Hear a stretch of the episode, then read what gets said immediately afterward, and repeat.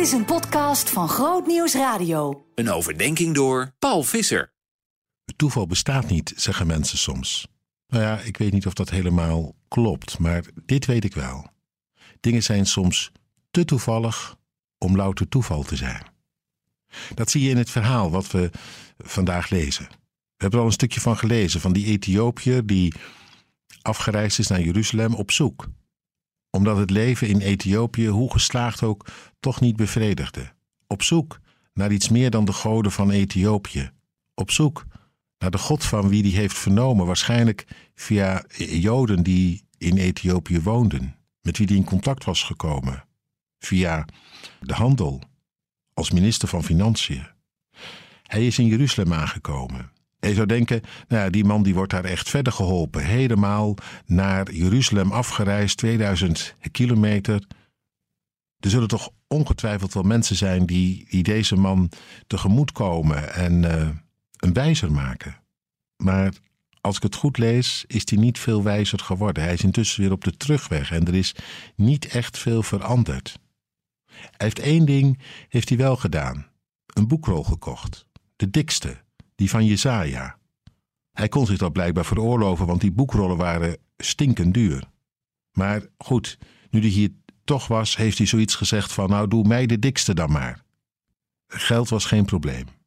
En daar zit hij nu in te lezen. Waarschijnlijk is het een boekrol geweest in een Griekse vertaling. Want hij, ja, als ontwikkeld mens beheerste ook het Grieks, zoals nu mensen het Engels beheersen. En hij is aan het lezen. Hardop voor zichzelf. Hij is al een heel eind, bij het 53ste hoofdstuk. En dan ineens, ja, dat is toevallig. Nou ja, we zullen het zien. Is daar Filippus. Meneer, begrijpt u wat u leest? Filippus. We hebben ervan gelezen dat hij door de geest was geroepen om op weg te gaan. De weg van Jeruzalem naar Gaza. Dat was een eenzame weg. Ja, wat moest hij daar doen? Wie kwam hij daar tegen? Nou, ineens is het de geest die zegt: Kijk, die man in die dure wagen, die is het waarvoor jij hier bent. Ik lees het eerst maar even. De geest zei tegen Filippus: Ga naar die man, daar in die wagen. Filippus haastte zich naar hem toe en hoorde hem de profeet Jesaja lezen, waarop hij vroeg: Begrijpt u ook wat u leest? De Ethiopiër antwoordde: Hoe zou dat kunnen als iemand mij geen uitleg geeft? Hij nodigde Filippus uit om in te stappen en bij hem te komen zitten. Dit was het schriftgedeelte dat hij las. Als een schaap werd hij naar de slacht geleid, als een lam dat stil is bij zijn scheerder. Deed hij zijn mond niet open. Hij werd vernederd en hem werd geen recht gedaan. Wie zal van zijn nakomelingen verhalen, want op de aarde leeft hij niet meer? Nou, nu vroeg aan Filippus: Kunt u me zeggen over wie de profeet het heeft, over zichzelf of over een ander? Daarop begon Filippus met hem te spreken over het evangelie van Jezus, waarbij hij deze schrifttekst als uitgangspunt nam.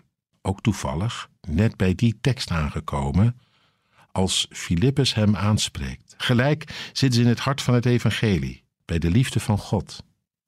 Bij dat ongekende verhaal dat wij dwaalden als schapen, maar dat de Heer zelf al onze ongerechtigheid, ook van die Ethiopiër, gelegd heeft op het lam, de zondebok, die zwijgend zijn gang is gegaan, door de dood heen. Filippus heeft het uit de doeken gedaan, dat geheim. Jij hebt er niks aan gedaan, maar het is intussen wel voor jou gered en daar mag jij het van hebben. Prachtig, hè? Een samenloop van omstandigheden, maar wel volgens hemelse regie.